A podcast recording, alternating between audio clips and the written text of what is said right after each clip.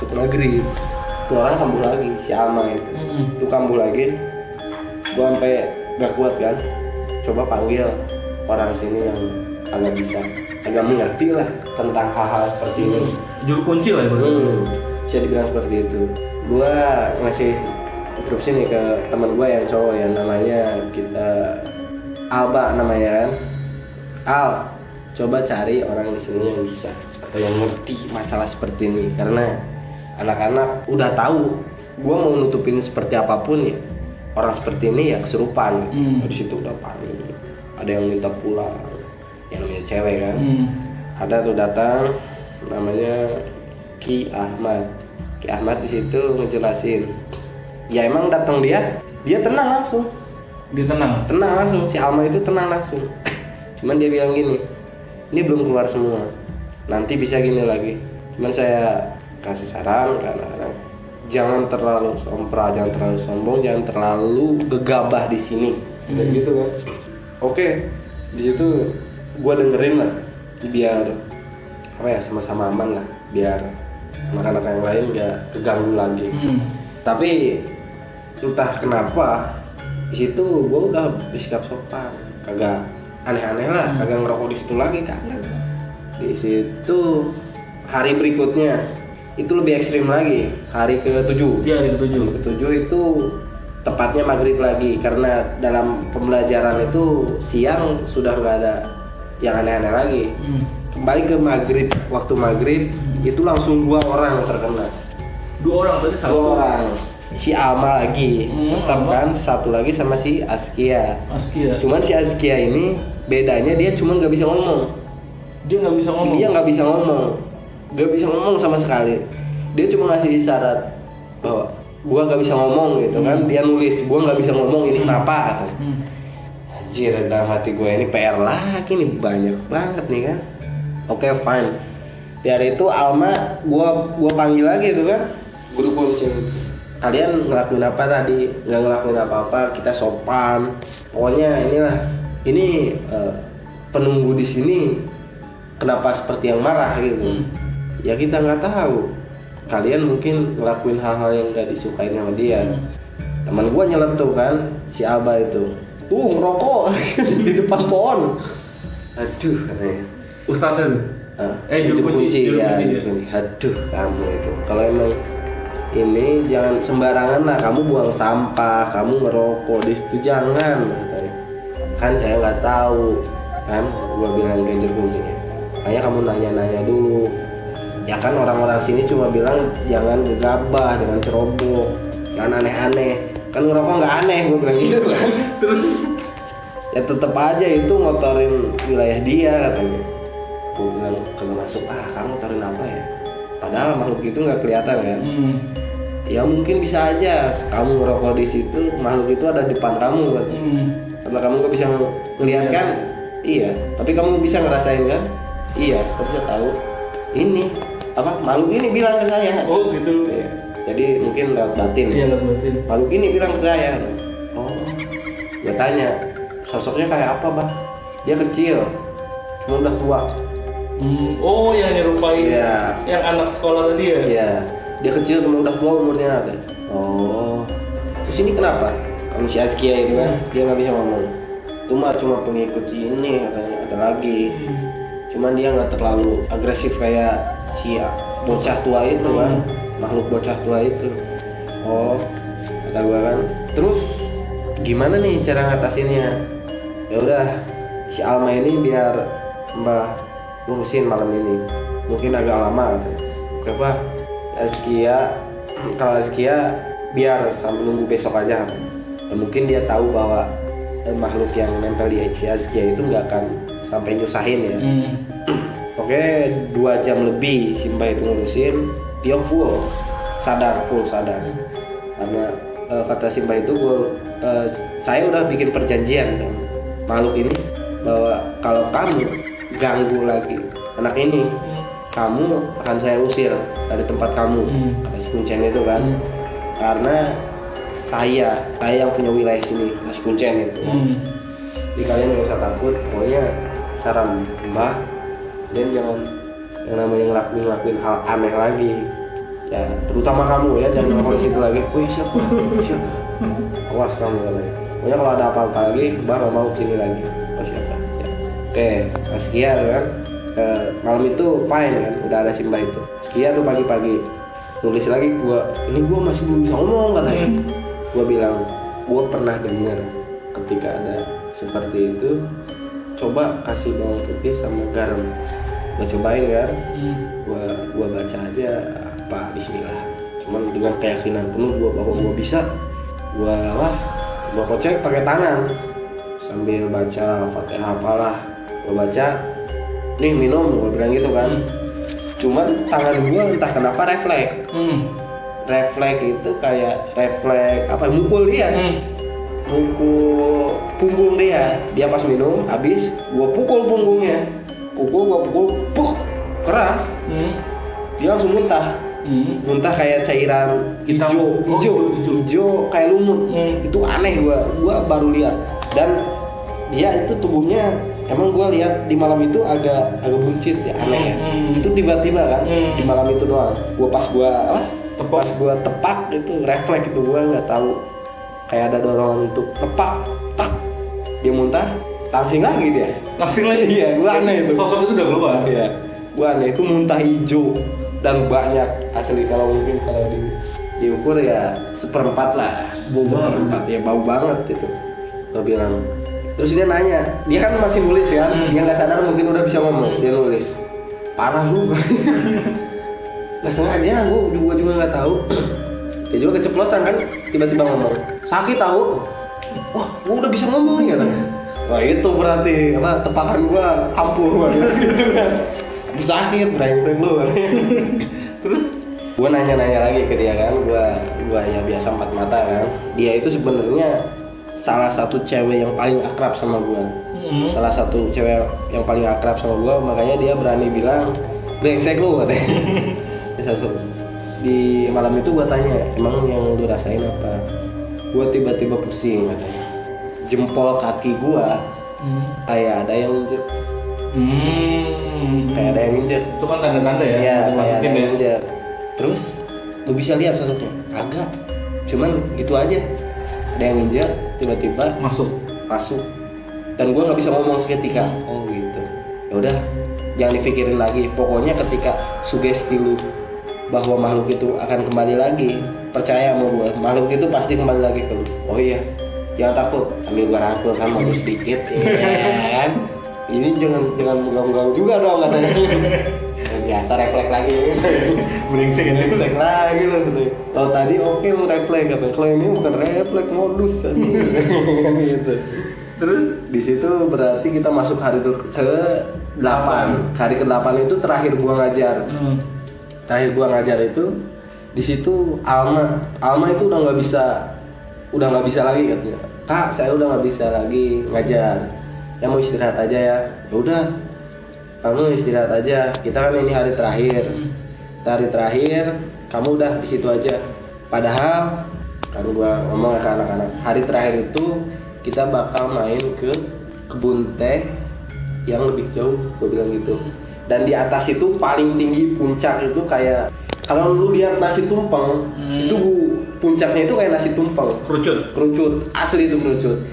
Dan sebelum puncak itu ada menara TVRI Hmm. gitu. Kan gue bilang gitu oke lah Eh, si Alma itu nggak ikut. Gue ngajar masih normal tuh pokoknya cuma hari keberapa keberapa itu kan yang yang agak nggak normal itu apa ngajar itu habis zuhur oke kita berangkat. Alma di sini ya. Nanti saya suruh si Gita buat nemenin Alma sama si Lia. Oh iya gua gua nanya kan kita dia nggak apa-apa kan nggak ikut? Ya nggak apa-apa daripada si Alma sendiri kan. Hmm. gua main ke sana.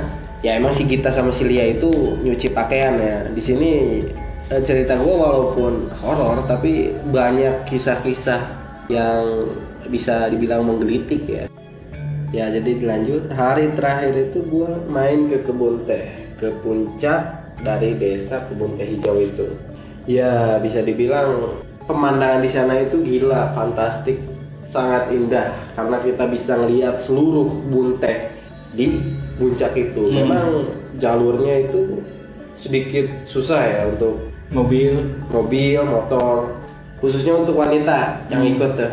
Berarti kayak daki gunung gitu Daki ya. Cuman karena rasa penasaran gua mengalahkan rasa lelah gua, gua paksain ke teman-teman kan. Masih pada kuat gak? Masih? Oke. Gua langsung naik ke atas. Singkat cerita gua sampai ke atas. Di atas itu gua nemu satu orang rambutnya gondrong dan bicaranya nggak jelas manusia manusia tapi gua nggak bisa mastiin itu manusia karena itu waktu sore sehabis ashar lah karena lumayan tuh perjalanan ke situ. Itu. dan jalan kaki. Situ gua lihat orang ngoceh-ngoceh kagak jelas kan? Ngomong sendiri berarti? Ngomong sendiri. Pas gua deketin dia ngeliatin gua dengan pandangan kosong. Kamu jangan macam-macam di sini. Dia cuma bilang itu dan di situ dia langsung kabur. Langsung kabur? Langsung kabur. Di jalan sana gua naik kan dikit pas gua lihat udah gak ada. Udah nggak ada udah gak ada. Di puncak itu di pinggir persis ada menara TPRI gua nggak tahu fungsinya untuk apa mungkin di situ untuk pemancar ya karena di situ kampung itu dikelilingi oleh lembah apa kayak bukit-bukit itu. Jadi untuk sinyal itu sangat sangat sangat susah. Susah ya? Sangat susah. Bahkan untuk sinyal TV pun rata-rata orang sana memakai parabola. Iya buat nangkap sinyal iya ya. betul. Di situ ada ada gedung atau ada menara TVRI otomatis ketika ada menara seperti itu ada ruangan nggak? Iya. Ada ruangan. Di situ gua main. Gua iseng masuk. Walaupun itu di pagar. Ya kalau untuk khusus cewek yang nggak bisa masuk kan? Iya. Gua dua tuh sama si Alba iseng lo ya? Iseng gua sambil foto-foto kan? Hmm. biasa. Foto-foto gua buka tuh salah satu jendela. Gua denger di situ kayak ada suara burung. Burung apa ya Ya, suara burung lah ya. suara burung tapi bukan burung. Kayak nangis. Oke nangis? Kayak nangis tapi menyerupai burung. Iya. Ya kan? Jadi mungkin gua juga sulit mendeskripsikannya secara jelasnya. Apa? Yang jelas nadanya itu nangis tapi suaranya burung. Terus di situ gua penasaran gua buka jendela kan? Ada apaan sih? Hmm. tiba-tiba di dalam itu ada yang ngetok. Ada yang ngetok? Ada yang ngetok lebih tepatnya mukul sih itu mukul pintu. Si Alba itu langsung ketakutan dia. Iya ketakutan. Dia langsung lari kan. Hei mana lu? Fotoin gua kata. itu lu kagak takut. Ah apaan sih? Kok sore-sore gini nah mungkin ada hal-hal gitu. Ah kemarin aja. Tahu sendiri banyak yang kesurupan anak-anaknya. Ah lu usah takut lah. Jam segini mana ada sih? Gua bilang gitu kan. Ya gua nggak sadar itu gua sombong lagi di situ kan di situ kayak foto-foto foto-foto Nah, si Alba itu kembali dia diliatin sosok nenek-nenek rambutnya putih. Cuman dia cuma ngintip di jendela. serius lu Iya, dia cuma ngintip di jendela dan di situ dia langsung benar-benar kabur dia. oh berarti ada penampakan Ada penampakan itu di situ. Dia langsung kabur. Woi, mana lu? Belakang lu tuh anak apa tahu. Sambil lari kan dia. Hmm. Dia langsung naik tuh gila. Gua aja naik ke situ susah dia cepet banget itu. Panik, karena panik ya? Mungkin dia kekuatan tersembunyinya keluar gitu. Gua di situ penasaran lagi gua buka lagi ya kagak ada apa-apa kan. Gua keluar nanya, "Emang lu lihat apa tadi?" Abah jawab, "Nenek-nenek rambutnya putih, cuman matanya hitam semua." wah Eden Matanya hitam semua. serius lu Iya, matanya hitam semua. Ah gila, kata gua. Lu ngerasain apa nanya ke gua? Emang sih ya agak merinding tadi, cuman gua nggak ngasih tahu lu aja. Daripada lu kabur kan, eh kabur juga. Ya iya gua lihat sendiri kan ya. Di situ foto-foto, foto-foto, foto-foto. Emang dari itu cuma kejadian aneh di situ aja. Gua dapat dapat SMS ya. Waktu itu buat sinyal WhatsApp itu sangat susah hmm. dapat SMS gua kaki Alma sakit kambuh lagi? Kambuh cuman bukan kesurupan ya. Dia Hmm. cuma sakit kaki. Kaki Alma sakit. Oke. Gua balas kan? Oke. Saya pulang duluan biar anak-anak have fun dulu di sini ya gua pulang duluan gua kasih instruksi ke cowok bertiga itu si Alba si Alba sama si Udin Alba sama si Udin. Dari ngantri ngasih instruksi? Ya gue ngasih instruksi ke tiga teman gue ya yang cowok si Alba si Udin sama si Angga. Kalian bertiga di sini aja. Nanti pulang bareng-bareng sama cewek. Kesian mereka. Oke lu mau ke mana? Si Alma kambuh kakinya. Oh ya udah hati-hati lu. Pulang sendiri. Gua di jalan. Gua jalan sendiri ya. Jalan itu gua kayak ada ngerasa yang ngikutin. Tapi lu nggak tahu sosoknya nggak tahu sosoknya itu kembali lagi. Bulu-bulu gua merinding. Sensasi yang ada di kuping gua lewat itu kembali ada. Cuma di situ cuma apa ya? Cuma seperti ya perasaan itu lagi gitu. Wah udah gak beres nih. Gua cepet-cepet gua jujur gua lari kan karena Hmm. gua saking paniknya bukan panik gua ngerasa ada yang ngikutin tapi panik karena si Alma kan. Hmm. panik karena si Alma gua sampai nih. Gua sampai sana gua periksa kenapa? Dari tadi dia nangis mulu Hmm. ya sakit kayak kakinya. Lu tau dia, dia dari tadi nangis mulu dari siapa ya dari si Gita. Oh karena lu tinggalin ya? Iya kan berdua itu gua Iya. tinggalin kan? Hmm. Gita sama si Lia itu gua tinggalin. Kenapa dia? Sakit kaki terus katanya makin parah. Aduh. Ya udah sabar dulu kan coba kompres pakai air hangat. Hmm. air hangat. Oke mereka dengerin gua. Dengerin gua. Terus gimana? Alma ya dia sambil nangis ya udah mendingan gua keluar tuh lihat ada orang Hmm. di kursi kan santai Hmm. si Alba ini brengsek banget dia emang posisinya ngebelakangin gua Hmm. cuman sambil selonjoran ya Iya.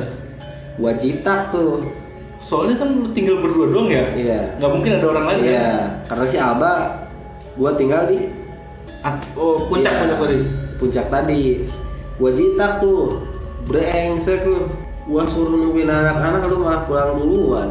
Dia ngeliatin gua doang nyapanya yang kosong Hmm. kan. Sana lagi lo Apa? Eh, ke puncak lagi. Iya. Puncak lagi jemput anak-anak suruh pulang itu. Kayak di situ.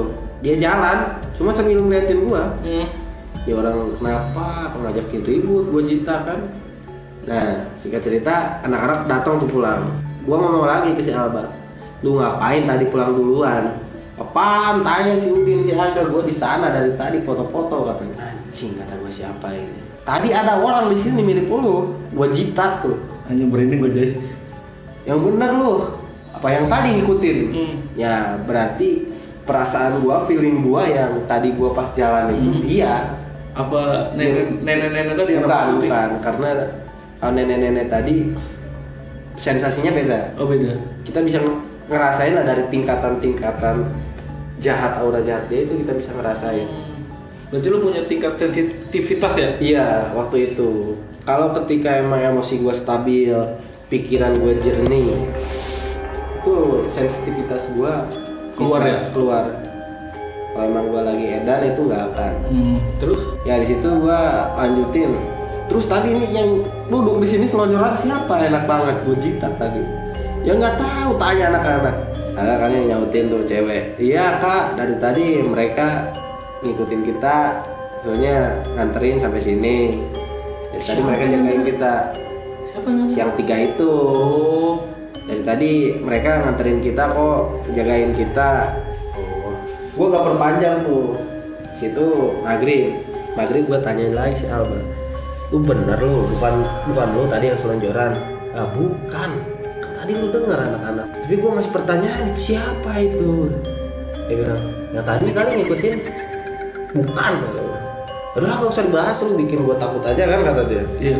Oke lah malam itu ketika kita mau bikin penutupan gua lagi nyiapin sambutan pidato. Berarti ini hari terakhir ya? Hari terakhir. Gua mau bikin sambutan pidato. Orang-orang nyiapin lah packing barang-barang peralatan. Itu malam itu parah banget. Dari apa? Dari air keran nyala sendiri.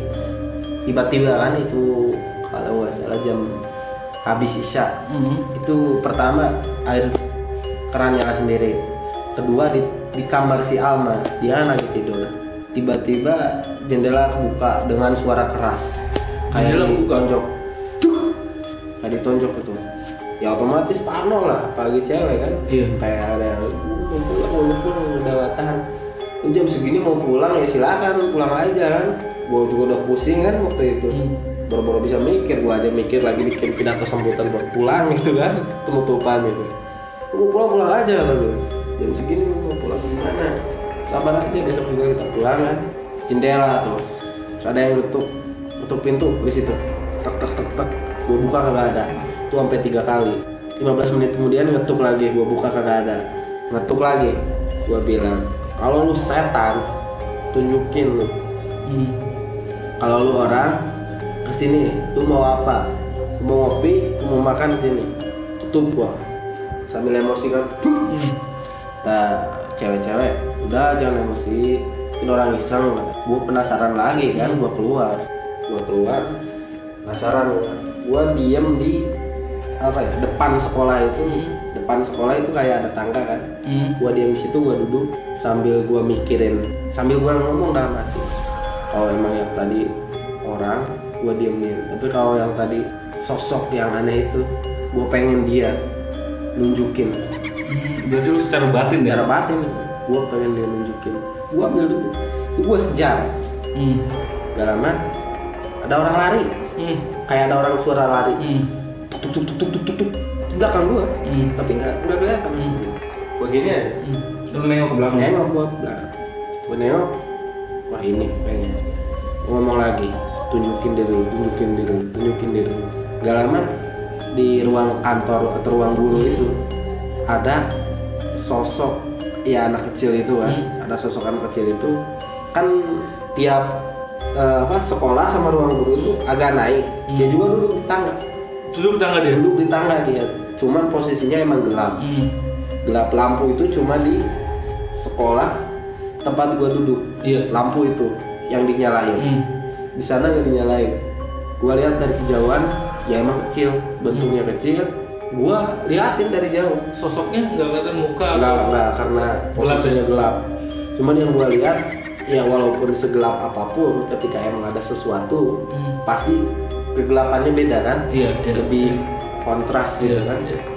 gua diemin 15 menit gua penasaran gua mau deketin gua deketin itu tiba-tiba si sosok hitam itu kecil muda hilang Udah ada yang hilang. hilang dari situ teman-teman gua minta maaf kalau emang gua ya kayak penutupan lah sebelum pulang kan ke teman-teman Hmm. sambil briefing kalau gua emang selama menjabat ketua gua gua song gua selengean gua sembarangan gua mohon maaf.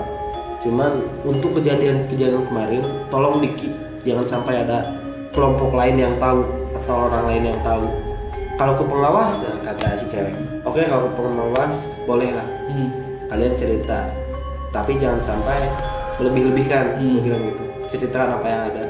Karena kalau pengawas dia juga bertanggung jawab Iya, atas kita. iya. Bilang gitu. Oke situ hari penutupan tiba fine fine aja kan semua berjalan lancar. Gue persiapan pulang. Alma itu dijemput khusus dia karena gue itu charter mobil angkot. Waktu Hmm. itu charter mobil angkot. Alma pakai mobil sekolah aja. Pakai mobil sekolah. Ada yang dampingin mobil tapi. ya mobil UKS Iya. ya sekolah gua. Iya tapi ada yang dampingin kan? iya ada. Ya, kita tolong di sana aja. Tapi tunggu sebentar, gua gua pengen nanya, pas hari terakhir itu lu nggak nggak nanya sama si sesepuh tadi? Nah, itu. si Alma? Nah itu. Di situ gua nggak sempet gua nggak kepikiran sama sekali sama si Ki Ahmad itu. Hmm. gua nggak kepikiran sama sekali padahal gua mau nanya gitu. Ya, dalam hati gua gua udah ada niat cuman waktunya gitu. Ketika sudah penutupan sambutan dari ini ya gua udah siap-siap mobil udah standby gua pulang. Dari situ coba gua kan inisiatif bu Alma diperiksa ke dokter aja periksa ke dokter di X-ray kan atau di ronsen Hmm. periksa kakinya di area telapak kaki itu ada tulang yang retak. Hmm, kok bisa? Nah, itu yang gua gua aneh. Padahal kagak ada di sana itu nggak ada yang namanya riwayat dia jatuh. Aktivitas apa pun yang berbahaya ada, nggak ada. Bahkan ketika naik ke puncak pun dia nggak ikut. nggak ikut bener. Iya, karena sakit. Iya. nah itu masih menjadi misteri sampai sekarang sampai apa LPJ gua dia masih dibopong LPJ itu laporan pertanggungjawaban kita selama PKL Hmm. LPJ itu jaraknya hampir tiga pekan Iya. dari sesudah PKL itu Iya. sudah PKL itu hampir tiga pekan kakinya masih belum ini normal kan dari situ gua nanya lagi ke Alma karena selama di sana itu selama kesurupan gua kagak pernah nanya sampai detail ke dia Iya. gua baru gua baru tahu dari dia bahwa ketika ada seseorang kesurupan full ya Hmm. dia itu bisa melihat sosok yang ingin masuk ke dia Hmm. tapi itu syaratnya harus yang kedua kali atau ketiga kali Hmm. kalau yang pertama dia nggak bisa Iya. melihat jadi ketika dia dia bilang oh yang pertama emang Alma nggak sadar? Hmm. nggak sadar bahwa ada ses- sesuatu yang masuk. Hmm. karena kakak juga bilang kalau Alma cuma ngigo Hmm. oh iya. Terus yang kedua gimana? Nah yang kedua dia ngajakin. Ah, ngajakin pulang. Ngajak pulang mana? ya itu yang namanya makhluk gitu kita nggak tahu. Dia cuma bilang pulang pulang ayo pulang. Enggak si Alma ada sosok apa sih? ya itu yang anak kecil. Anak kecil tadi. iya anak kecil tadi. Ayo pulang ayo pulang tapi Alma mau ngomong nggak bisa. Mau ngomong nggak bisa terus gerak nggak bisa. Kayak ada yang ngebeban atau nindih gitu Hmm. nindih badan Alma tapi Alma bisa lihat tuh yang kedua. Iya bisa lihat. Tapi dari dari sisi Alma itu sosoknya seperti apa? Anak kecil, mukanya apa gitu? Nggak tahu ya anak kecil cuman suaranya tua kata dia. Nggak serem tapi sosok nggak serem. Enggak. Enggak. anak kecil gimana? Cuma suaranya aja yang tua enggak kan biasanya kan ada sosok yang mungkin bertahan ya itu untuk untuk tokoh fiksi menurut saya untuk jin atau setan atau hantu lah yang namanya di dunia nyata yang asli itu nggak ada yang namanya seperti itu. Di film-film kali di film-film itu oke lah fine. Karena untuk apa ya memberikan nuansa yang benar-benar menakutkan. Hmm. dalam dunia nyata nggak ada yang namanya seperti itu. Bentuk jin pun kita belum tahu seperti apa. Cuman dia hanya menyerupai ya. Hmm. Hanya menyerupai anak kecil cuman memiliki suara yang Hmm. tua kedua kalinya dia gitu dia bilang pulang pulang ayo pulang pulang ikut sama aku Hmm.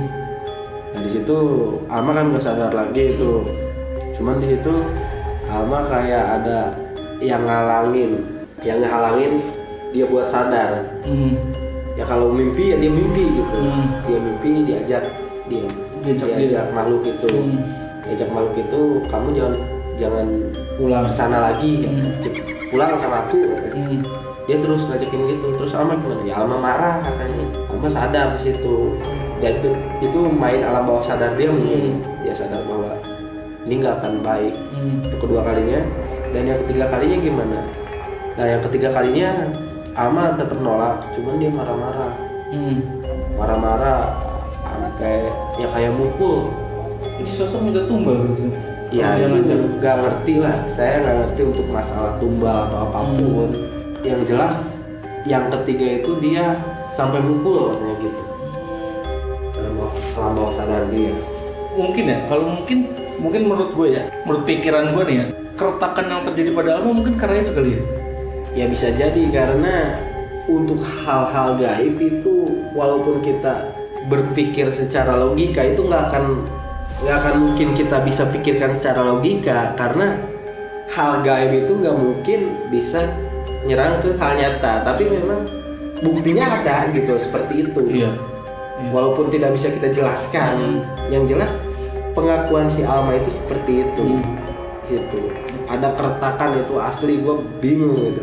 Ya, ya mungkin ya kalau pikiran gue ya itu. Mungkin karena dia orang- si Alma nggak mau diajak terus si sosok ini marah mukul. Iya. nah mungkin keretakan itu ya mungkin ya. Bisa jadi. Karena gue kan juga nggak bisa gue bukan pakar di situ lah. Ya, ya. ya gue aja yang sedikit bisa ngerasain gak ngerti gitu. Hmm. maksud dan tujuan dia itu apa. Cuman dari situ sempet gue di sekolah ngerasain lagi itu. Sebulan sebelum eh, sesudah PKL itu gue masih ngerasain hal-hal itu. Alma kembali aneh lagi ya. Dia itu dari sosok yang kalem bisa makan kayak orang gendut gimana ya? Nafsu makannya nafsu bertambah. makannya bertambah. Berarti ngomongnya sesudah nggak slow. Berarti sesudah sebulan lalu setelah PKL berarti di sosok tuh masih ngikutin Alma? Masih ngikutin itu gue yakin. Cuman dia nggak bisa ngambil seluruh tubuhnya Alma ya? tubuhnya lagi nggak bisa. Dia cuma ngikutin ya mungkin yang namanya makhluk seperti itu ya tetap masuk hmm. Walaupun kita ngerasa normal pun kita belum tentu bebas dari bayang-bayang mereka ya. bayang-bayang mereka nah itu bisa sampai lepas tuh kapan dia Eh, kalau nggak salah itu seminggu ses- sesudah dia aneh itu seminggu sesudah dia aneh dia kayak orang yang benar-benar ingin berubah hmm. dia kembali ke jati dirinya yang sebenarnya Hmm. dia gue nggak tahu di rumahnya dia melakukan apa ya? Melakukan apa atau pengobatan apa gue nggak tahu. Pokoknya seminggu itu dia kembali seperti dia. Dia nggak cerita kalau dia dia nggak cerita karena di situ gue udah udahlah gitu. Udah nggak mau cerita lagi. Berurusan lagi sama itu udah, udah nggak mau gue pokoknya yang jelas gue kapok dalam urusan seperti itu. Tapi yang jelas gue masih penasaran. Kenapa penasaran penasarannya kok bisa dia ngeganggu dan alasannya itu aneh. Gara-gara gue ngerokok. Tapi kalau ini dari sudut pandang gue ya bahwa kita kan hidup berdampingan. Hmm. manusia hewan tumbuhan dan makhluk ciptaan ciptaan Allah yang lainnya kan. Nah ketika kita hidup berdampingan berarti kita nggak boleh mengganggu satu sama yang lain dong. Bener kan? Ya benar. Cuman di sini masalahnya jika emang gue bisa ngelihat dia ya gue nggak nggak akan mungkin sembarangan gitu. Ya itu itu alasannya itu alasannya nanti karena kita hidup itu berdampingan. Manusia hewan tumbuhan bisa dilihat. Tapi makhluk itu kan nggak bisa dilihat. Ya kan? Nah per- pertanyaan gua kenapa lo bisa sesombong itu? Karena jiwa muda gue bergejolak itu aja. Gue sampai sekarang itu yang namanya ke hal-hal yang seperti itu itu masih belum 100% masih belum 100% bukan percaya masih belum 100% ingin berhenti gitu pengen tahu. Nah tapi maksudnya kan ketika lu udah ditomolin hmm. berarti lu tahu dong bahwa dia itu ada iya dia itu ada cuman gue berpikir gue pengen bicara oh lu pengen berkomunikasi Iya, karena- dengan dia gue sampai sekarang belum bisa berkomunikasi enggak yang pengen lu komunikasikan dengan dia apa ya seperti bagaimana dia cara cara dia hidup hmm.